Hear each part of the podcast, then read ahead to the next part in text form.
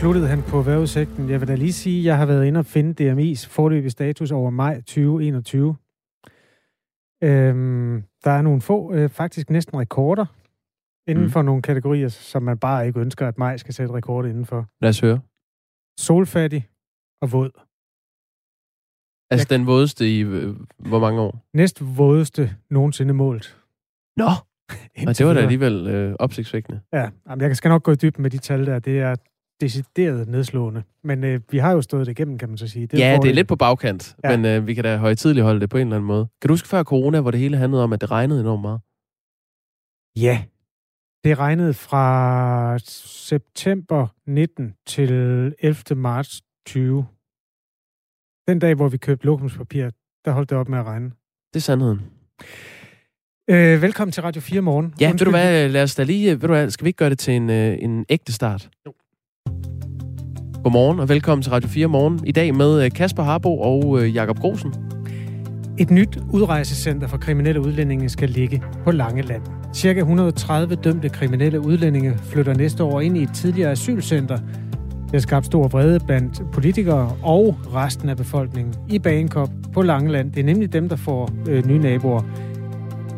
Vores reporter gik på jagt efter en fra byen, som synes, det her er en god idé. Hør resultatet af den jagt lidt senere. Så skal vi også øh, omkring, at øh, vi som øh, befolkning her i Danmark spiser flere piller end nogensinde før. I 2019 blev der indtaget øh, 2,7 milliarder såkaldte døgndoser medicin. Det er en stigning på næsten en milliard og øh, 40 procent siden 2007. Forklaringen ligger i en medicinkultur, mener de øh, praktiserende læger. Og vi kommer til at tale med Anders Beik, som er formand for Dansk Selskab for Almen Medicin. Det er de almen praktiserende læger. Klokken kvart i syv. Vi har også øh, flere vigtige øh, udlandshistorier til dig. Der er kold luft mellem USA og øh, Rusland. Mere om det om lidt. Og så skal vi også se på, at Israels bombardementer i Gaza fortsætter. Det kan mærkes i Ramallah på Vestbreden, hvor danske Katrine Nikolajsen bor og arbejder. Ja, så kommer vi også til at tage øh, endnu en runde i diskussionen om aktiv dødshjælp, eller øh, det, man kalder assisteret selvmord øh, her på Radio 4. Det er noget, vi øh, talte med formanden for Etisk Råd om i mandags. Øh, det er noget, Etisk Råd gerne vil øh, diskutere igen i kølvandet på, at man blandt andet i Tyskland har tilladt læger at hjælpe øh, dødeligt syge patienter med at komme fra dette jordiske liv. Vi kommer både til at tale med en øh, sygeplejerske fra et hospice, som mener, det er en dårlig idé at få assisteret øh, dødshjælp i Danmark. Og så tager vi debatten med to sundhedsordfører, og det er først op mod klokken 9. Husk, at du kan være med til at lave det her radioprogram. Man kan skrive sms'er, som bliver læst direkte her i studiet, hvis ellers man sådan overholder de, de mest almindelige regler for god opførsel. Dagens første er kommet. Stort tillykke, står der. Stort tillykke til Ekstrabladet og Nets der nu kan se frem til et storslået samarbejde. Tillykke til Henrik Kvartrup. Med ansvarshavende. Ja. Chefredaktør på øh, Ekstrabladet. Tilbage er der bare at sige, at det bliver simpelthen tre timer i øh, godt selskab, og der er mange gode historier her på kanalen, så bare bliv hængende. 9 nu er klokken 9 minutter over 6. Godmorgen. I går mødtes USA og Rusland for at drøfte situationen i Arktis. Det skete i den islandske hovedstad Reykjavik. Mødet mellem de to nationer skete forud for et møde i Arktisk Råd, der skal afholdes i dag. Mikkel Runge Olesen, godmorgen. Godmorgen. Seniorforsker i udenrigspolitik og diplomati på Danmarks Institut for Internationale Studier og forsker i blandt andet Arktis. Øhm, hvad var det interessante ved det møde, der udspillede sig i går? Jamen, øh, hvis vi ser på, på, på Arktis, så er der sket en, en, en række interessante ting de sidste par dage. Øh, vi har inden for de sidste to-tre år, der har, der har amerikanerne for alvor begyndt at se nærmere på Arktis og begyndt at, at udtrykke bekymring for, for russisk og kinesisk adfærd i Arktis. Øh, det vi så så i går, øh, og øh, i op til i går, det er, at amerikanerne også har begyndt at åbne op over for, for mere dialog over for, russ, øh, over for russerne. Øh, på den ene side, så, så, så kritiserer de russerne for militær opbygning i Arktis. På den anden side, så går de også ud og siger, at at øh, man fra amerikansk side ser en mulighed for, for øh, at og øh, opbygge mere øh, samarbejde i, øh, i, i, i Arktis, og at man fra amerikansk side ønsker, ønsker at undgå en militarisering af Arktis. Øh, men, men det ligger altså underforstået, at man ønsker at undgå en militarisering af Arktis, hvis Rusland også øh, demonstrerer vilje dertil. Kan man egentlig godt tillade sig som USA at sige, at det er for dårligt, at de andre spekulerer over, hvad de kan foretage sig i Arktis, når man fra USA's side har været ude at sige, at man gerne vil købe Grønland? Det kan man sige, det kan man sige, men der tror jeg, at man skal altså, øh, tage med, at, at for amerikanerne, så er det en, øh, så er det en, øh, en, en administration, der er kommet og gået, der sagde det. Det var Trump-administrationen. Øh, nu Biden har sin egen linje, og, og, og det er den, han kører frem med. Okay. Øh, forud for mødet mellem den amerikanske udenrigsminister Antony Blinken og Ruslands udenrigsminister Sergej Lavrov, har de to lande altså kritiseret hinanden for at opruste militært. I den forbindelse har Rusland været utilfreds med, at Norge for nyligt har indgået en ny militær aftale med USA, som blandt andet vil give landet adgang til norske flybaser.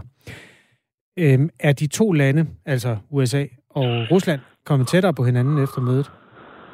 Altså, jeg tror bare, det, at man har mødtes og, og, og øh, lige fået demonstreret øh, sine modstridende synspunkter, det er sådan traditionen tro, at det, at det, det er et meget godt første skridt for, for, for amerikansk-russiske forhandlinger, at man ligesom får, får meldt ud, hvor man står, øh, og russerne kan egentlig godt lide øh, øh, at, at være involveret med en samarbejdspartner, som taler lige ud af posen øh, og, og, og går direkte til, til, til interesse modsætninger og interesse sammenfald. Så det, på, på den måde kan det egentlig være en meget god, god åbning, særligt hvis det så senere kan lede til, til et, et møde mellem Biden og Putin. Vi taler altså med Mikkel Runge Olesen, seniorforsker i udenrigspolitik, øh, i anledning af både mødet i går og møderne i dag. Gårdsdagens møde mellem de her to nationer, altså øh, USA og Rusland, skete forud for mødet i det arktiske råd, som bliver holdt i dag. Det er en sammenslutning, altså Arktisk Råd, af de otte lande, der grænser op til Arktis, og det er USA og Rusland. Og så er det også øh, Kanada. Og så er de fem nordiske lande, Danmark, Norge, Sverige, Finland og Island. Møder i Arktisk Råd har traditionelt været fokuseret på samarbejdet mellem landene i organisationen. Og trods spændinger i forholdet mellem USA og Rusland, så erklærede begge parter tidligere i år, at Arktis skal forblive et område, hvor der er samarbejde. Hvad så mødet i dag, øh, Mikkel Runge Olesen? Hvad forventer man, der bliver drøftet der? Jamen, altså, hvis, vi, hvis vi rykker videre og, og, og ser på sådan de mere officielle møder i Arktisk Råd-regi, øh, så, skal man, så skal man vide, at, at militær sikkerhed, det er ikke meningen, at Arktisk Råd øh, skal være et forum for sådan nogle diskussioner. Det har man faktisk besluttet, øh, da Arktisk Råd blev dannet tilbage i, øh, i 1990'erne. Øh, så, så, så til de her mere officielle møder, altså man kan tale sikkerhed, når man øh, fra USA og Ruslands side mødes i det, det, der hedder i maven af, af et møde i Arktisk Råd. Altså med andre ord, man var der alligevel øh, så, så kunne man godt tage et, et separat møde mellem Rusland og USA. Og så er der selvfølgelig ikke nogen begrænsninger på, hvad emner man kan tale om. Men når vi taler om arktisk råd-regi, så kan man ikke tale om militær sikkerhed. Så derfor så kommer det nok i langt højere grad til at handle om grøn omstilling øh, og kamp mod klimaforandringer. Hvad kan man så øh, diskutere der? Altså inden for i det her felt af, af lande, inden for klimaforandringer og i, i arktisk regi? Der, der kan man diskutere ganske meget, øh, fordi på den ene side, så er Arktis, øh, Arktis er en enormt vigtig region for at øh, få sådan en forudanelse om, hvor vi er på vej hen i klimakampen. Fordi øh, klimaforandringer slår igennem i Arktis øh, meget hurtigere, end det gør de fleste andre steder øh, på kloden. Øh, og, og, og så er der en speciel problematik for, for, for, for klima, en kamp mod klimaforandringer og grøn omstilling i, i Arktis. Og, og det er, at øh, øh, Øh, at Arktis også åbner op for nogle muligheder for øget økonomisk udvikling i Arktis, øh, som potentielt kan, kan accelerere øh, klimaforandringer, øh, men som også kan komme øh, de folk, der bor i Arktis, til gavn. Så derfor så er sådan en klassisk problematik, som jeg øh, tror, man vil, vil, vil, vil komme ind på, det er, at man på, en, på den ene side, så har man hensynet til klimaforandringer, øh, og på den anden side, så har man hensynet til at sikre økonomisk udvikling for øh, de folk, der bor i Arktis. De har jo fået ny præsident, USA, øh, Joe Biden, i stedet for Donald Trump. Og Trump lagde jo ikke skjul på, at klimaforandringer var øh, et stykke nede på hans prioriteringsliste. Tror du, præsidentskiftet vil have indflydelse på det udfald øh, af mødet i Arktisk Råd, og altså klimadelen af det? Ja, det tror jeg helt sikkert, fordi, fordi man kan sige, øh, mens vi med sikkerhedspolitikken, der kan vi fornemme et, et, et, et, et, et vist skifte fra, fra, fra, fra, fra, fra, fra Trump til, til Biden. Øh, så, så hvis vi ser på, på, på øh, klimaforandringer og grøn omstilling, så er, det, så, er det, så er det et langt større skifte. Øh, altså, der havde vi jo en Trump-administration, som, som var den største stopklods imod, at øh, et forum som Arktisk Råd overhovedet måtte tale om klimaforandringer, øh, til at vi har en Biden-administration, der åbent har været ude at sige, at det er meget vigtigt øh, for Biden øh, og for USA, at man tager klimaforandringer alvorligt og diskuterer det i Arktisk Råd-regi. Så det er jo en, en klar game changer i forhold til øh, dynamikken omkring klimaforandringer i Arktisk Råd. Så er det nok et meget godt råd, eller meget godt bud, at øh, det kommer til at, at fylde noget i dag, Mikkel Runge Olsen. Tak skal du have. Velkommen. Seniorforsker i udenrigspolitik og diplomati på øh, Danmarks Institut for Internationale Studier.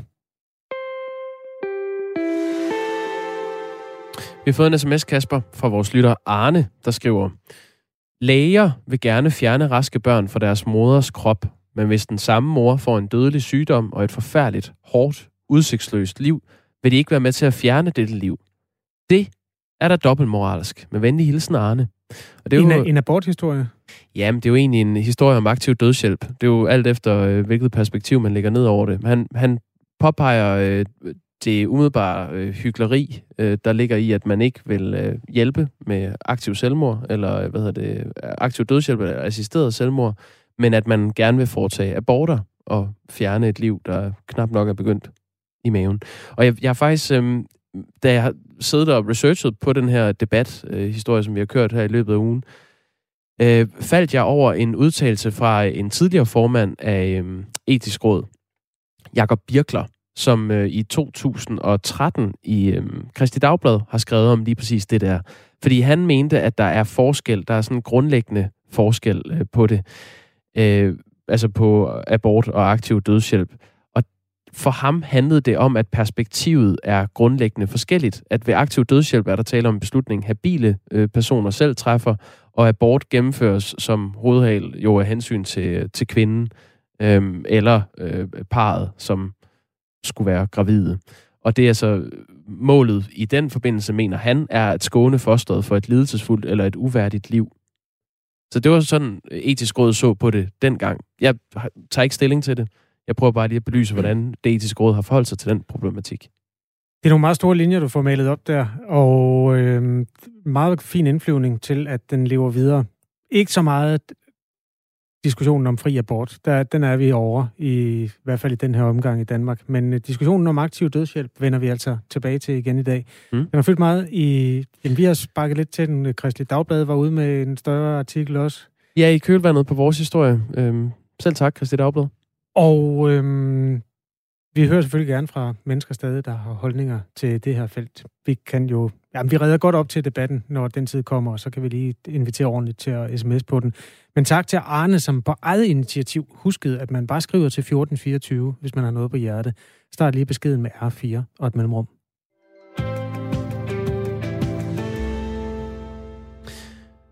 Israels øh, bombardementer i Gaza fortsætter, og det samme gør kamphandlingerne mellem Israel og Hamas, der indtil videre har kostet over 200 mennesker livet, og det er langt de fleste palæstinensiske liv. Det kan også mærkes i øh, Ramallah på Vestbreden, som ligger omkring 80 km fra Gaza. Der bor og arbejder danske Katrine Nikolajsen for en organisation, der hedder Gaza Sky Geeks.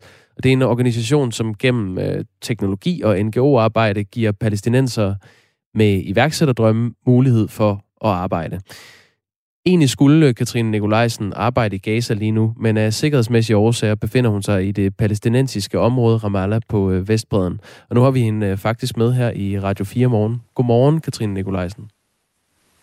Godmorgen. Godmorgen. Hvordan er stemningen der, hvor du bor lige nu? Øh, jamen, den er meget trykket, og den er meget anspændt, og øh, det er ligesom bare blevet værre og værre øh, hver dag, så, så folk er også begyndt at blive utrolig trætte, mig selv inkluderet. Og du bor mellem de to flygtningelejre, der ligger i, i det område, hvor du, øh, du er. Hvad, hvordan er lydende? Øh, hvordan reagerer folk lige nu?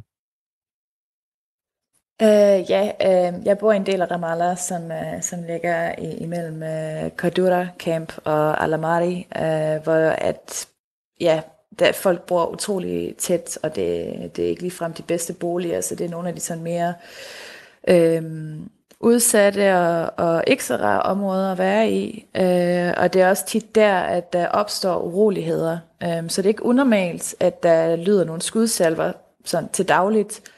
Men øh, her på det sidste, der har det sådan generelt eskaleret. Øh, der har været rigtig mange øh, situationer, hvor, hvor der er sket eksplosioner, og der er blevet sat ild til ting rundt omkring. Øh, og her de seneste par dage har der været flere episoder, hvor øh, øh, en af de palæstinensiske øh, modstandsbevægelser simpelthen har været ude og marchere i gaderne, øh, og så gået og skudt med maskingevær op i luften. Men nu sagde jeg før, øh, jeg præsenterede dig, Katrine Nikolajsen, at du af sikkerhedsmæssige årsager befinder dig i øh, Ramallah på Vestbreden. Er det sikkert at være der lige nu? Øh, altså, generelt set vil jeg sige ja. Altså, der er, jo, der er jo aldrig sådan sikkert på samme måde, som der er hjemme i Danmark, hvis du befinder dig i, i Israel eller Palæstina. Øh, Altså Ramallah er helt klart det, det tryggeste sted at være lige nu, føler jeg, fordi der, der er jo ikke nogen øh, øh, raketter fra, øh, fra Hamas, og der er heller ikke nogen bombardementer. Øh, det, som jeg hører, er jo ikke øh, nødvendigvis interaktioner mellem øh, palæstinenser og israeler. Øh, det, det kan godt ske, men det er primært uden for byerne ude ved, øh, ved checkpoints, ude ved ulovlige bosættelser, øh, og, og det sker så også i stor stil i de her dage, skal jeg hilse at sige. Bare hen over weekenden er der død øh, 10 pal- palæstinenser, og øh, i forgårs blev der dræbt fire øh, i samme sted, og i går øh, morges blev der også slået yderligere to ihjel. Så øh, der sker jo også noget her, men hvis man, hvis man ja, tager højde for situationen og passer på sig selv og sørger for ikke at rejse imellem byerne lige nu, øh, så, øh, så føles det fint nok. Ifølge Folkekirkens Nødhjælp er 213 blevet dræbt i Gazastriben den seneste uge, og størstedelen er civile. 63 af dem er børn. Og ifølge FN er 58.000 civile drevet på flugt i, øh, i Gazastriben. Katrine Nikolajsen, når du kigger ud af, jeg ved ikke om du sidder ved et vindue, men hvad, hvad ser du, hvis du kigger ud af et vindue? Øh, jamen det, det kan man jo ikke som sådan sammenligne med situationen i Gaza. Øh, folk er jo ikke blevet fordrevet fra deres hjem her. Altså hverdagen udenfor virker jo rimelig normal. Øh, det mm. jeg sådan mærker, det er, at jeg og mine kollegaer simpelthen ikke tør bevæge os mellem byerne, fordi at det er usikkert. Der, hvis du kører uden for byerne, så vil du lægge mærke til, at der nærmest ikke er nogen biler på vejene. Um, men inde i byerne som sådan, der, der kunne man godt snydes til at tro, at hverdagen er helt normal. Men når du så kommer ud og, lad os sige, tager på en, en, en café eller noget, um, der er ikke mange mennesker ude, og stemningen er trykket, og folk sidder konstant og kigger på deres telefoner, og det generelle samtaleemne er, um, hvad situationen er lige nu. Um, forskellige handlinger, der er blevet begået. Uh, så det, det er jo ikke et, øh, et, et, et um, et, en glædelig situation, og det burde det jo ellers have været her med slutningen af ramadan øh, sidste uge, hvor Eid begyndte. Der plejer det jo at være en folkefest, og gaderne plejer at være proppet med mennesker, og masser af liv og glæde. Mm. Øh, og i stedet for, der er det nærmest været, altså Ramallah var nærmest forvandlet til en spøgelsesby. Øh, der var øh, nogle af dagene, hvor der simpelthen var blevet pålagt, at alt skulle være lukket, og hvis ikke det var det, så kom politiet simpelthen og, og lukkede for, for restauranter, caféer osv., så det, det, er en, det, er en, det er en mærkelig stemning. Hvordan er din egen stemning? Uh, nu kan jeg sige, at, at uh, du har talt med en af vores journalister, inden du uh, kom med i dagens program, hvor du fortalte, at hvis en uh, nabos terrassestol falder, så får du et chok og, og uh, tænker, om det måske kunne være en, en bombe. Altså, hvordan er din uh, stemning ved at, at bo og arbejde i Ramallah lige nu? Jamen, jeg synes, det, det er svært at skal koncentrere sig om at arbejde lige nu. Både fordi, at øh, jeg, ja, mine tanker er jo hos mine kollegaer i Gaza. Øhm, og så fordi, at øh, det er noget helt andet arbejde, jeg laver nu, end det normale er. Det er jo altså, crisis management arbejde. Øhm, og ja, de her øh, hyppigere eksplosioner og skyderier, det gør, at, øh, at man altid bare er lidt anspændt og på kanten, øh, og utrolig vågen.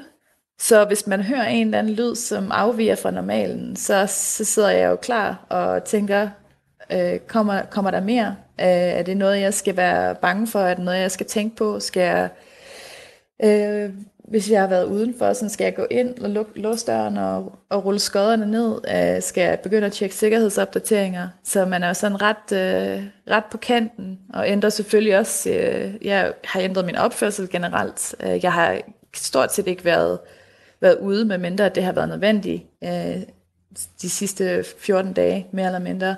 Og siden bomberne i Gaza begyndte at falde, der er jeg heller ikke altså, følt mig tryg ved for eksempel at skulle skulle gå min daglige morgentur længere, øh, fordi der simpelthen bare har været så mærkelig en stemning, og det har ikke været til at vide, hvad, hvad, hvad kommer der til at ske i dag? Er der, er der eskalationer i dag? Er der, er der øh, IDF-konfrontationer inde i byerne? De sker tit øh, om natten eller meget tidligt IDF, øh, det kan være, du lige øh, skal forklare, hvad det er.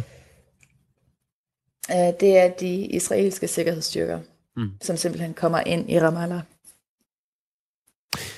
Katrine Nikolajsen øh, bor altså og arbejder øh, for det, der hedder Gaza Sky Geeks øh, i Ramallah lige nu på, øh, på Vestbreden. Du skal have tak for, at du var øh, med og lige fortalte om, hvordan det er øh, her i Radio 4 morgen. Jamen selv tak. Og pas på dig selv. Ja, det skal jeg gøre. Tak. Øh, Frankrig, Ægypten og Jordan er øh, gået sammen i et forsøg på at få stoppet de her kamphandlinger, som øh, nu har fundet sted i øh, et stykke tid mellem Israel og Hamas i Gazastriben, og de tre lande vil have FN's Sikkerhedsråd til at vedtage en våbenhvile. Klokken er tre minutter i halv syv i et fredeligt land, der hedder Danmark. Det er den 20. maj. Og jeg varslede det tidligere. Lad os bare dykke på hovedet ned i den statistik, som er en forløbig statistik fra DMI, der har kigget på, hvad maj har givet os værmæssigt i Danmark. Det kan forekomme rimelig ilandsagtigt at øh, jamre over vejret, men der er god grund til det, mm. øh, viser det sig. Hvis man for eksempel tæller regndråberne, som man gør hos øh, DMI, så øh, styrer vi mod den næst måde, vådeste maj, der nogensinde er målt. Man startede med at tælle vanddråber i øh, 1874. Hvornår var den vådeste? Det var 1983. Tak fordi du spørger. Det er lang tid siden. Ja, det, det føler jeg jo egentlig ikke. Men, øh, altså, det, det føler jeg. Du fem år før jeg blev født. Ja, Ja, øh, jeg var 12 år dengang. Jeg husker der kan man se.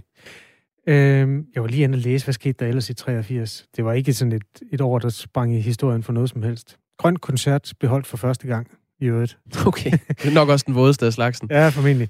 Nå, men øh, hvad har man ellers kunnet se? Jo, øh, solen har ikke skinnet ret meget. Øh, i, først i 1920 af en eller anden grund begyndte man at tælle soltimer i Danmark. Altså det vil sige for godt og vel 100 år siden. Mm. Og øhm, så har man jo lavet noget, der hedder klimanormalerne for de enkelte måneder. Når man har haft nogle data, så har man kunne se, hvor er vi i forhold til, som det plejer at være. Og der er kun halvt så meget sol, som der plejer at være i maj. Og hvis det fortsætter, som det har været indtil nu, så vil vi få den næst solfattigste, altså den næst ringeste, for nu at sige det på jysk, den næst dårligste maj ever, siden man begyndte at tælle sol. Det er jo forfærdeligt. Det er helt forfærdeligt, Kasper. Hvad, øh, hvad siger det os noget om, hvilken sommer vi kan få? Nej, det er de jo altid rimelig forsigtige med. Det kommer og går lidt. Der er længe til og sådan noget. Men øh, man kan gøre status på foråret i bred forstand. Det her det er jo kun maj. Ja. Øh, jeg læser det bare op, simpelthen. Når vi summerer de tre forårsmåneder op, ser foråret ud til at ende køligt. Det kan gå hen og blive det koldeste forår i 8 år. Hjulpet på vejen tør april kan vi nøjes med at betegne foråret 2021 som vådt og solmæssigt bliver det det solfattigste i 15 år. Der er bare ikke en, noget som helst godt at sige om det her forår, andet end vi har fået styr på coronaen. Og det er jo ikke det, mest skyld. Nej, og at vi er øh, snart igennem det. Ja, det kan man sige. Der er Så. 11 dage til, vi træder ind i en sommermåned. Jamen, tak for status. Tak til øhm, Danmarks Meteorologiske Institut. Minder os også om, at vi øh, har nogle øh, lidt mindre bekymringer at, at tage os af her i øh, landet. Dog på Langeland har man øh, fået en ny bekymring, og det skal det handle om på den anden side af nyhederne. Et nyt øh, udrejsecenter for kriminelle udlændinge skal nemlig ligge på Langeland. Det er cirka 130 dømte kriminelle udlændinge, som øh, næste år flytter ind i et tidligere asylcenter. Vi skal høre fra nogen fra byen, både kommunalpolitikere og også en enkelt, der bor i øh, Bangkok på Langeland, hvad man tænker om den sag. Efter den historie skal vi høre om, at vi spiser flere piller end nogensinde før her i Radio 4. Eller vi gør ikke her i Radio 4 morgen, men det er her, du kan høre det. Nu er der nyheder med Thomas Sand kl. ja, halv syv. Du kan ikke bevise en skid.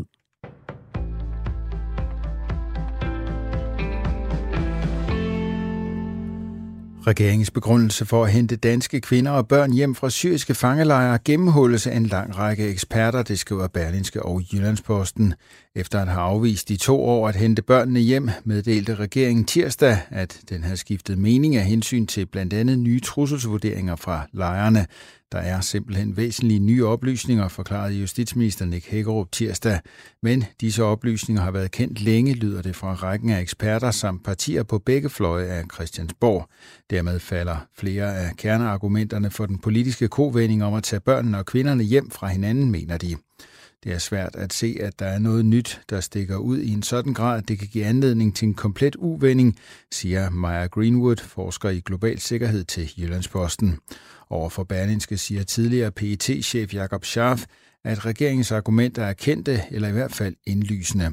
Børnene udgør ikke nogen trussel, og den trussel møderne vil kunne udgøre, kan lettere håndteres, når de er i Danmark. Der er intet nyt. Man siger så, at forholdene i lejrene gradvist er blevet værre, men det er jo også kendt, siger Jakob Scharf, som i dag er direktør i den private efterretnings- og sikkerhedsvirksomhed CERTA. Eksperternes kritik bekræftes af to PET-rapporter, som Jyllandsposten har gennemgået. Begge rapporter er lavet af Center for Terroranalyse under efterretningstjenesten. De udkom i marts 2020 og marts 2021. Rapporterne vurderer terrortruslen mod Danmark og beskriver konkret flere af de farer, som Nick Hækkerup og udenrigsminister Jeppe Kofod på tirsdagens pressemøde kaldte nye. Også Venstre og de radikale kritiserer regeringen for at svøbe gamle argumenter i nye klæder. Det har ikke været muligt for at få et interview med justitsminister Nick Hækkerup for Berlinske, men Socialdemokratiets retsordfører Jeppe Brugs afviser kritikken. Når afgangselever i grundskolen inden længe har sidste skoledag, kan de dele karameller ud, bare det sker med afstand og til en klasse ad gangen. Og når blomsten af Danmarks Ungdom til sommer skal fejre, at de er færdige som studenter, er der grønt lys til den traditionsrige studenterkørsel. Det er beskeden fra børne- og undervisningsminister Pernille rosenkrantz teil der har offentliggjort nye retningslinjer. Det skal både være muligt at kaste karameller sidste skoledag, have familien med ved overrækkelse af svendebrevet eller eksamensbeviset, og at køre i studentervogn. Jeg er rigtig glad for, at elever i både grundskolen og på ungdoms- og voksenuddannelserne får mulighed for at fejre den her store milepæl sammen med deres familie og venner, siger ministeren. Retningslinjerne minder en del om sidste år, hvor det også var muligt at køre studenterkørsel og dele karameller ud trods coronaepidemien. Politi i Belgien har intensiveret en menneskejagt på en soldat, der mistænkes for ekstreme højreorienterede synspunkter og potentielt udgør en sikkerhedstrussel, det skriver BBC. Soldaten, som har haft adgang til raketvåben, er forsvundet efter, at han truede offentlige personer, heriblandt en fremtrædende belgisk coronaekspert, som er blevet bragt i sikkerhed. Omkring 350 politibetjente og soldater blev sent i går indsat i en nationalpark i det nordøstlige Belgien, hvor soldaten menes at opholde sig, skriver det britiske medie. Politiet har opfordret offentligheden til ikke at nærme sig den mistænkte, hvis man ser ham. Ifølge myndighederne udgør han det højeste trusselsniveau på en skala på fire trin. Soldaten har måske planer om at angribe individer eller institutioner, skriver nyhedsbruget AFP. Den mistænktes forladte firehjulstrækker blev fundet nær Nationalparken tirsdag aften. Den indeholdt fire raketvåben og noget ammunition, oplyser anklagemyndigheden.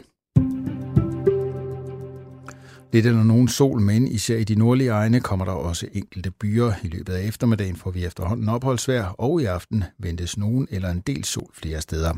Dagtemperaturer op mellem 10 og 14 grader.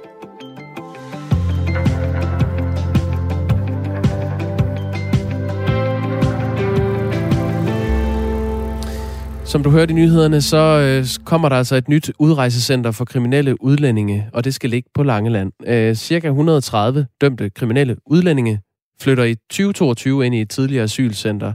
Og det har skabt øh, stor vrede blandt øh, både politikere og befolkningen i Bangkok på øh, Langeland. Det er nemlig dem, der får asylcentret som nabo.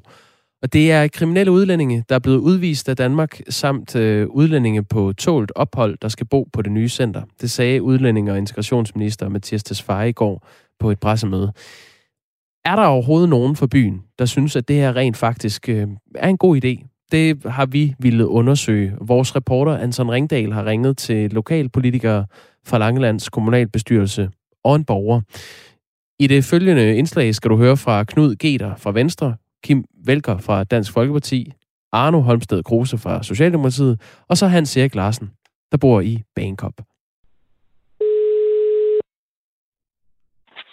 du Jeg har Knud, du taler med Anton. Jeg er journalist inde ved Radio 4. Ja. Jeg øh, står inde i et studie og ringer lidt rundt til øh, kommunalpolitikere. Ja. Og jeg vil gerne spørge, hvad du synes om øh, planerne for det nye udrejsecenter her. Jamen, jeg synes, det er utilstedeligt, at sådan noget kan foregå i dagens Danmark. At man uden videre placerer dybt kriminelle på så lille en ø og ned i så lille et samfund, som det er på Sydlangeland. Hvad skulle de have gjort så, synes du? Det, det, det, det skal de jo finde ud af. De skal bare ikke placere det på Langeland. Det er, at man så sætter dem op på indlandsisen. Altså, helt ærligt. Det, det, det, det duer ikke, det her. Der er plads på indlandsisen. Lav nogle, nogle snehytter, kan de bo deroppe, de der banditter. Så man skulle lave snehytter på ind- indlandsisen? ja, nu, det var en spøg, ikke også? Det skal i hvert fald ikke være her, i sådan et område som det her. Mm. Det skal være ude på heden, et eller andet sted.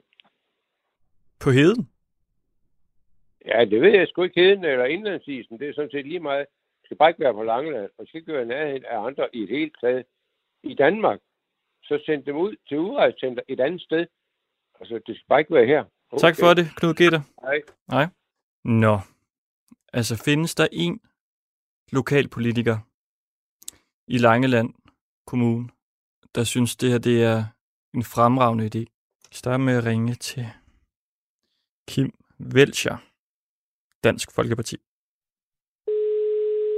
Ja, det er Kim. Jeg vil øh, høre, hvad du synes om øh, planerne for det nye udrejsecenter her.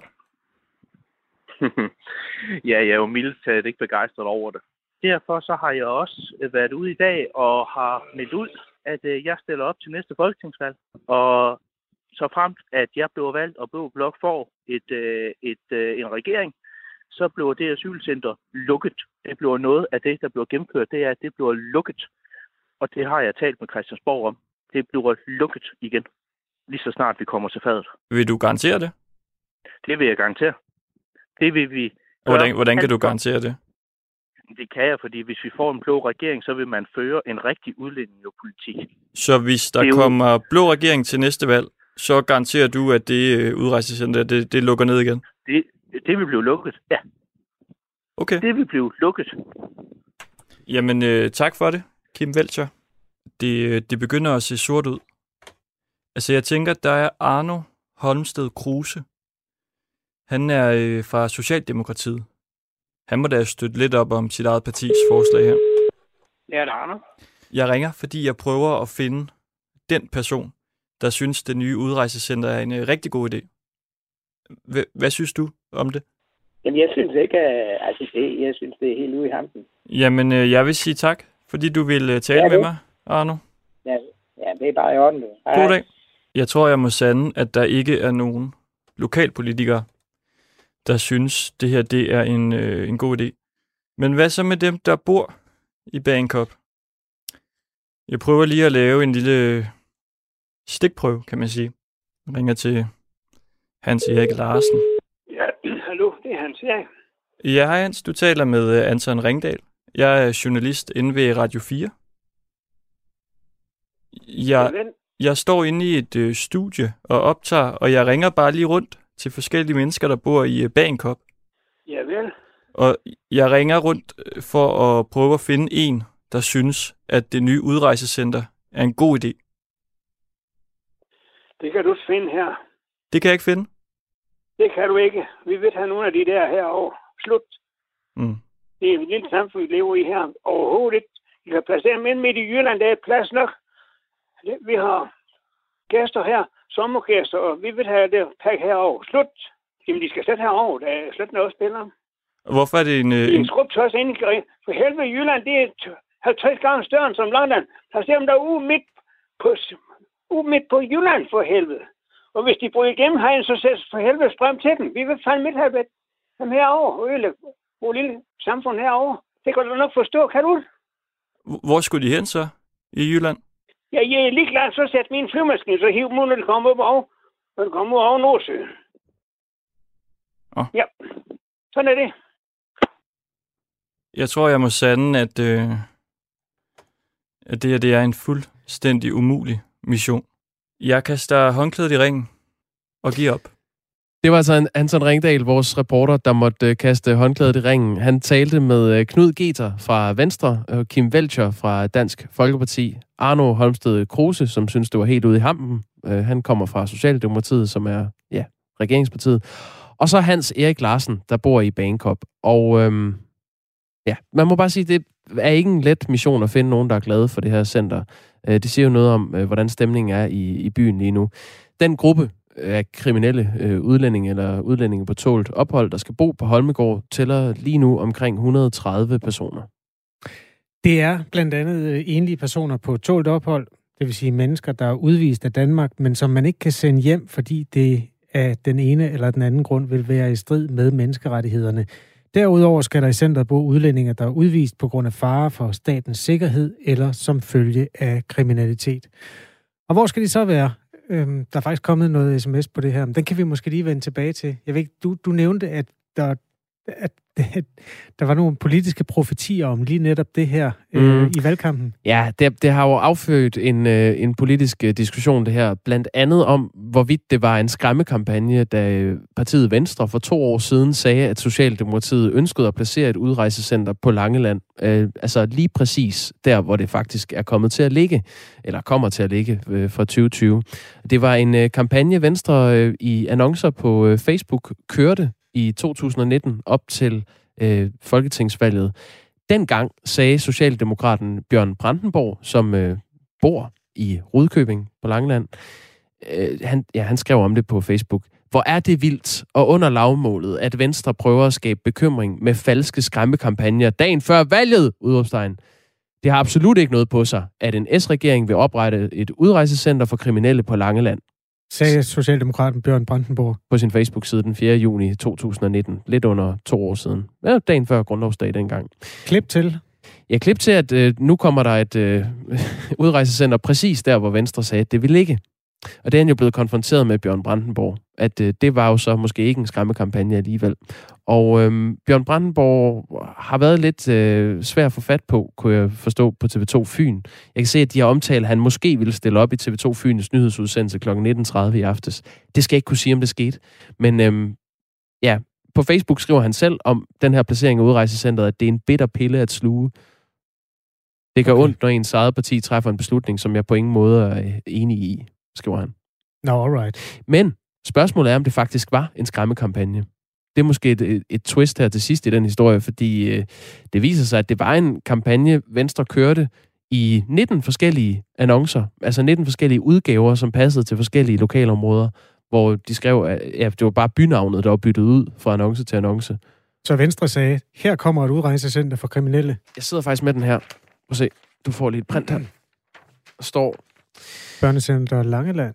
Ja, betalt af Venstre, Danmarks Liberale Parti, altså en annonce, der er sponsoreret, så står der, hvor skal det nye udrejsecenter for udviste kriminelle udlændinge ligge? Hvis Rød Blok øh, med radikale Venstre får magten, så kan det blive på et nedlagt asylcenter i, og i det her tilfælde altså Rudkøbing. Ja. Det ønsker Men... vi i Venstre ikke. Og den har de kørt i 19 versioner forskellige steder? Eller? Ja, så de har sådan set ramt øh, forkert øh, 18 gange, men de ramte rigtigt her. Okay. Så man kan diskutere, om det er en skræmmekampagne, men ret fik de. I hvert fald en gang. Man kan i hvert fald øh, slå fast, at det er en folkesport at pege virkelig mange steder hen, hvor man ikke selv bor, hvis man skal komme med et forslag til, hvor en øh, sådan et udrejsecenter skal ligge. Det var da en af de ting, vi tog med fra øh, interviewene, som Anton Ringdal lavede for lidt siden. Og så er vi fremme ved sms'erne. Mm, lol, vi skal sgu da heller ikke have dem. Han skal ikke smide dem over til os i Jylland, står der i en sms. En anden skriver, det er så typisk, det er faktisk præcis samme person, der skriver. Det er så typisk. Politikerne har travlt med at belemre også menige borgere med indvandrerbyrden, mens de selv er flittige til at sende deres børn i privatskole, så børnene bliver forskånet for at opleve den nye kulturberigelse. Det er bizart. Mariem skriver, at det er dybt usmageligt, at man taler grimt om kriminelle udlændinge. Husk lige på, de, på de fleste har afsonet deres straf. Hvor mange af os har muligvis en nabo, som er kriminel? Øh, en fjerde, eller hvad er det nu, nu er vi nået til, skriver, ham Langelands DF'eren lød som Benedikte de Rosing fra Jet Set Society. Hun vil have lukket IKEA, og det har hun talt med sin mand om. Så godt, at DF har talt med Christiansborg om at få lukket udrejsecenter. Og så kommer der en tilføjelse til den. Jeg glemte lige at nævne, det var en reklamekampagne for IKEA med en humoristisk iklædning. Okay, jeg forstår ikke referencen, men vi er glade for inputs. Klokken den er 6.45. Man skriver ind på 14.24. Tak for det. Vi spiser flere piller end nogensinde før. Der er kommet tal fra 2019, og der blev indtaget 2,7 milliarder såkaldte døgndoser medicin i Danmark. 2,7 milliarder, det svarer til, at vi tager 500 hver i løbet af sådan et år. Og det er en stigning på næsten 40 procent, hvis man måler over en årrække, der starter i 2007. Altså en stigning på næsten 40 procent i antallet af døgndoser af medicin i Danmark. Det er en historie, som Jyllandsposten er ude med på baggrund af en rapport fra Danske Regioner. Den skal vi vende sammen med Anders Beik, der er formand for Dansk Selskab for Almen Medicin. Godmorgen. Godmorgen, godmorgen. Og for, øh, Dansk Selskab for Almen Medicin, det er jo altså en forening for praktiserende læger med 5.000 medlemmer. Medicin, det gør ja, os raske. Og, og jeg skal og, lige sige, og, og kommende praktiserende læger. Der er jo ikke 5.000 praktiserende læger i Danmark. Det er også dem, der er på vej til at blive praktiserende læger, der er i selskabet. Nej, det giver god mening. Det overraskede mig egentlig også lidt, der var så mange. Så er, der, så er lægemanglen der overstået, hvis der er så mange klinikker. Ja. okay, tak for præciseringen. Medicin, ja. det er jo øh, til for at gøre mennesker raske. Er det så en god udvikling, at vi spiser mere af det? Ja, altså, den her øgning af medicinforbruget dækker jo over, at vi bliver ældre og ældre, og at øh, vi så, hvad skal man sige, får flere og flere sygdomme, som kan medicineres, fordi der opfindes medicin til det. Øh, så, så, øh, og, og så er der en anden driver af den her udvikling, det er så, at vi er mere og mere sådan proaktive. Vi vil gerne øh, forebygge sygdomme også med medicin, så vi, øh, så vi øh, medicinerer, kan man sige, forebyggende. Og de ting til sammen gør så, at, øh, at medicinforbruget stiger, og prisen stiger også, fordi vi bruger nyere præparater, som er dyrere. Så det er sådan de ting, der driver det frem. Om det er godt eller skidt, det skal man kigge på det enkelte tilfælde. Og, og det, er så, det er så der problemerne opstår, kan man sige. Det kan, være, det kan være gode opfindelser, vi har med at gøre, men det kan også blive for meget for nogle patienter, som er for gamle til at tåle så meget medicin. Lad os lige blive lidt konkrete på, hvad det handler om, fordi den markante stigning i medicinforbruget ses blandt andet for medicin mod hjertekarsygdomme, mavesår, diabetes, det er sådan i den livsstilsagtige afdeling. Så er der også antidepressiv medicin, hvor der er en stigning, og som sagt øh, også øh, stigende udgifter. Øh, I takt med det stigende forbrug øges også regionernes udgifter. I 2019, der lå udgifterne til receptpligtig medicin tæt på 6 milliarder kroner. Ja. Hvis, hvis, hvis nu man tænker, det er på nogen måde en skidt udvikling, hvorfor udskriver lægerne så mere og mere? Jamen man kan sige, det, det er der belæg for, fordi det er jo ikke fordi medicinen ikke, ikke virker, så, så man vil kunne finde belæg for alle de udskrivninger, der finder sted i vejledninger og anbefalinger og rådgivning om fra myndigheder og specialister, kan man sige, selskaber, der har med den slags at gøre. Så det er ikke fordi belægget ikke kan være der, men man kan jo, når, man nu, når nu du ramser op, at det jo i, i en eller anden grad handler om at forebygge ting som forhøjet kolesterol og blodtryk, og det er insulin, og det er mavesår, og det er depressioner, spørge om vores kultur har udviklet sig i en retning, så, øh, øh, så, så, så vi bliver påført, eller påfører os selv nogle lidelser, som, som kunne behandles på anden måde, eller forebygges på anden måde. Hvad kunne det være? Altså, hvad er alternativerne til den her udvikling? Det, det diskuterer I jo også i lægekredse. Jamen, man kan jo... Øh, øh, øh man kan jo øh, man, man, kan, man kunne sagtens pege på nogle andre modeller for, hvordan vi skulle forebygge øh, hjertekarsygdom for eksempel. Det kunne være øh, samfundsinitiativer, hvor man virkelig øh, i stedet for at lave intervention på individniveau, altså give den enkelte medicin, eller, eller, for, eller, eller hvad skal man sige, øh, snakke med den enkelte om vedkommendes måde at leve på, så kunne man tænke, at samfundet skal være sådan et sted, som ikke, som ikke genererer de her sygdomme, som vi har med at gøre. For det er meget sådan nogle øh, sygdomme, som kommer ud af den måde, vi lever på. Øh, både øh, de, de psykologiske eller psykiske sygdomme, og, og, og så de der hjertekarsygdomme, sukkersyge og den slags, det ved vi jo godt, det har noget at gøre med vores måde at leve på. Hvor ligger vi henne i øh, internationalt øh, sådan snit? Er vi, øh, ligesom vi er en alkoholnation, er vi så også en medicinnation? Nej, det mener jeg faktisk ikke, vi er. Vi, jeg tror simpelthen, vi, vi er meget sammenlignelige med, med resten af den vestlige verden, og, Og noget af den her udgift, man taler om i den her rapport, det drives jo af, at, der, at, der jo, øh, at lægemiddelindustrien jo er, er gode til at udvikle øh, øh, medicin, som virker bedre, øh, og, og, øh, og også kan bruges til forebyggelse af nogle af de her tilstande, altså at, man, at risikoen sænkes, hvis man tager medicin i tide. Men det er nogle, nogle gange nogle ret marginale gevinster, som kunne være opnået, hvis for eksempel man øh, havde et, et, et, et et andet liv, altså at man motionerede sig både socialt og psykologisk og kropsligt øh, i større grad. Det ved man, det beskytter mod en hel masse af de her tilstande, vi har med at gøre. Altså både hjertekarsygdomme og, og øh, øh, depressioner øh, kan forebygges med, med øh, motion af både sanser og psyke og krop. Det er meget sjældent, at vi har en historie om uh, medicin, der ikke på nogen måde berører coronaen. Men det gør det jo faktisk ikke, fordi det er tal, der stammer fra 2019, før vi havde hørt om, ja. om den sygdom på de ja. her kanter. Spiller coronaen en rolle alligevel, når vi diskuterer de ting her? Altså for eksempel sådan noget som psykisk og fysisk velvære. Det er jo noget af det, der har været pakket væk i et års tid.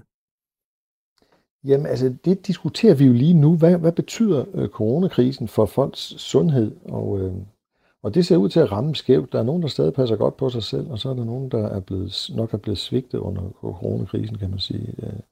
Men det, man kan sige om for eksempel sådan noget som, som, øh, som det psykiske, det er jo, at, øh, at vi, når vi ikke er særlig robuste øh, med den måde, vi lever på i vores kultur, så kan vi også øh, hurtigt blive i sådan en krise, som vi har haft her nu, som vil være en krise for alle mennesker, kan man sige. Og det vil være det er naturligt at reagere psykologisk negativt at blive øh, føle sig ensom og trist, når man ikke kan interagere med andre mennesker. Men det er faktisk en naturlig reaktion. Øh, men den kan blive for voldsom, hvis man er ikke er særlig robust, og så kan man udvikle psykisk sygdom i, i forbindelse med den her øh, coronakrise. Og det, det har vi jo ikke tal på endnu. Den er jo ikke overstået endnu, men vi kan se, at der er i hvert fald mange, som reagerer øh, med, med depressive symptomer, måske uden at have en depression. Den tager vi om, det bliver sikkert to år, at vi får de tal, Anders Beik. Ja, øhm, så, så længe håb skal vi forhåbentlig ikke vente. Nej, okay. Men øh, tak i hvert fald forløbet, fordi du vil hjælpe med at gøre status over 2019. Velkommen. Anders Beik er formand for Dansk Selskab for Almen Medicin, som altså er foreningen for øh, lægerne, både de nuværende praktiserende og de kommende. Og øh, status er altså, at der i 2019 blev indtaget 2,7 milliarder såkaldte døgndoser medicin inden for øh, en række felter, blandt andet øh, medicin mod hjertekarsygdomme, mavesår, diabetes, og så de antidepressive piller, som også bare er i konstant vækst. Klokken den er 7 minutter i syv. Fra tid til anden kommer der en nyhed om, at en øh, politiker, som sidder på tinge, øh, ikke vil stille op til næste valg. Og det er sket igen, men det er sket på en lidt øh, opsigtsvækkende baggrund. Øh, først lidt om personen, der ikke genopstiller til næste valg. Det er Dansk Folkepartis Alex Hansen. DF's måske mest velklædte mand. Jeg øh, er glad for, at vi ikke har Morten Messersmith med på linjen, men øh, ja, altid i, øh, i øh, kjoler og hvidt, var jeg lige vil sige, i en form for jakkesæt. Øhm, ikke meget hår på hovedet, øh, briller, øh, kulturoverfører har han været øh, for Dansk Folkeparti. Altså nu sidder jeg og fortæller lidt om ham, så hvis man ikke lige er helt med på, hvem Alex er, så øh, kommer man det nok. Øh, hvis man kan huske tilbage til 2010, så vagte det opsigt, da han som medlem af Odense Byråd dengang opfordrede muslimske buschauffører til ikke at køre under ramadanen. Uh, i valgkampen 2011 lavede han en valgvideo. Den husker jeg tydeligt med et... Uh, Hjemmerøverne? Nej, men det var et fingeret overfald. Altså, det var sådan et uh, interview, hvor han så bliver bestjålet af en et kriminel indvandrer, der kommer løbende. Uh, det var sådan Nå, en dramatisering. Ja. Og øh, i sit første øh, år som folketingsmedlem beskyttede han øh, borgerlige politikere, som ville stemme for hvilelser af homoseksuelle for at være hasrygere. Um, Jamen, han er jo nok øh, i de fleste bevidsthed en mand, man ved, hvem er. Men han vil ikke øh, være med mere. Flittig kritiker af DR, og øh, kort før valget øh, foreslog han en national vikingestrategi. Nå, det er Alex Hansen. Ja. Han vil ikke være med mere, nej. Den Alex Hansen, ja. Ja, og øh, det vil han ikke, fordi... Øh, Jamen, nu fortæller jeg bare, hvad han har sagt til Avisen Danmark. Ja, tak. Øh, jeg kan jo fortælle, inden du går videre, at øh, vores øh, dygtige producer har ragt ud til ham. Jeg tror muligvis, vi får lov at snakke med ham lidt senere, men fortæl. Jamen, fordi... det gør vi. Det, jeg, jeg har lige fået en melding om, at han er faktisk med her i programmet om øh, lidt under en time. Kvart i, kvart i otte bliver det. så kan vi allerede det er nemlig, begynde at Og jeg glæder mig. Hvorfor? Øh, Alex Hansen øh, siger, at øh, beslutningen om ikke at genopstille kom efter en drøm, han har haft, hvor han fik en fortryllet guitar, der kunne spille varme og kærlighed frem for familie og venner. Nå, han ja. siger til avisen, jeg oplevede i den drøm, at det, jeg gjorde, gav andre glæde. At være folketingspolitiker gør ikke ret mange mennesker glade. Tværtimod gør det de fleste vrede, sure, kede af det, irriterede. Det kunne være rart at få et arbejde, hvor man gør folk glade, siger Alex Hansen til Avisen Danmark. Jeg synes, det er øh, virkelig interessant.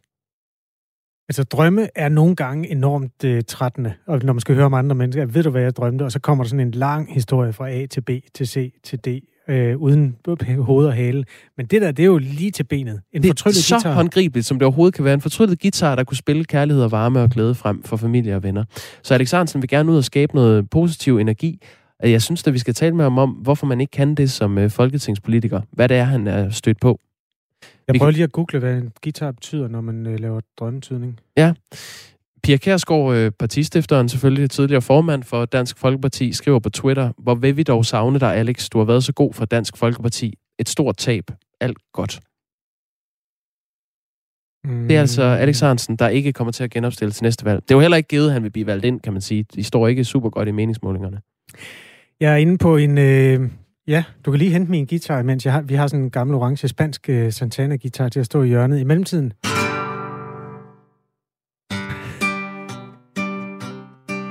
Så læser jeg op øh, fra den hjemmeside, der hedder netspirit.dk, hvad en guitar egentlig betyder i drømmesymboler.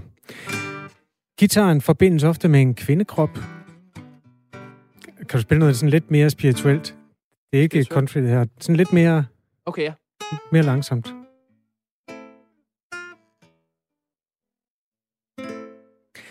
Gitaren forbindes ofte med en kvindekrop, ofte på grund af formen så se på, om drømmen har et seksuelt tema. Hvis du er en mand, som drømmer, at du spiller på guitar, kan drømmen henvise til erotiske drømme, du går og er optaget af, eller seksuelle fantasier, du ikke umiddelbart kan få afløb for. Det står der. Den tager vi lige med Alexandersen kl. 7.45. Men drømmen kan også referere til, at du har lyst til at udtrykke dig kreativt igennem musikken.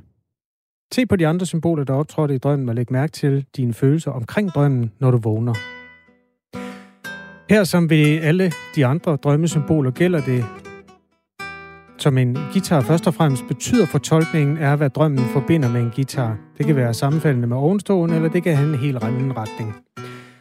Så det korte og det lange er, at øh, Alex Arnsen har drømt om en fortryllet guitar. Det handler enten om noget seksuelt eller om noget kreativt. Lyt med om det bliver 47 minutter.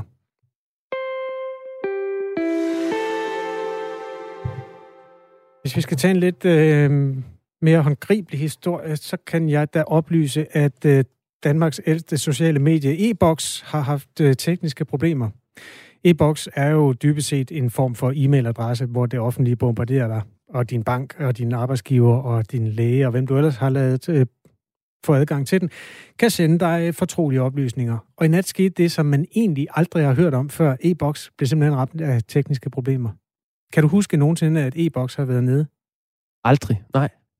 Jeg kan huske, at jeg ikke har kunne tilgå e-boks en periode, men det var vist øh, det var en individuel fejl. Okay, fejl 40. Ja, det tror jeg.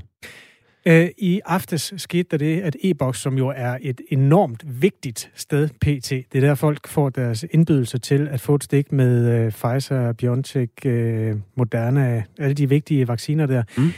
blev ramt af driftproblemer, og det var simpelthen ikke muligt at logge ind på e-boks og tjekke mails. Her kommer et citat. Vi oplever i øjeblikket problemer med at logge på e-boks, både via app og web. Vi arbejder på højtryk for at få løst problemet, og vi beklager ulejligheden, skriver e-boks på sin hjemmeside, som så var nede. det er altid sådan, det er, ikke? Det er lige præcis der, når det ikke må ske, så sker det. Øhm, den... Men den er oppe at køre Altså, hvor længe var den nede? Jamen, den øh, var i hvert fald oppe at køre. Jeg loggede lige ind for en sikkerheds skyld, for at se, om der var sket noget hæsblæsende, eller om der var nogen, der havde lyst til at stikke mig med en vaccine. Og der var ikke noget nyt for mit vedkommende, men jeg kunne godt komme ind i e-boksen, så den er tilbage på sporet. Alright.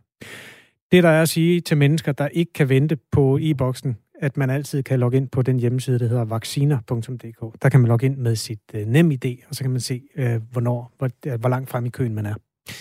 Vi nærmer os et nyhedsoverblik. På den anden side af det skal vi øh, ombord en historie om, øh, hvordan det ikke kan være en hadforbrydelse, når man har kaldt en øh, muslimsk kvinde for en hjernedød perkerlud og spyttet på hende. Mere om det på den anden side, nu klokken syv.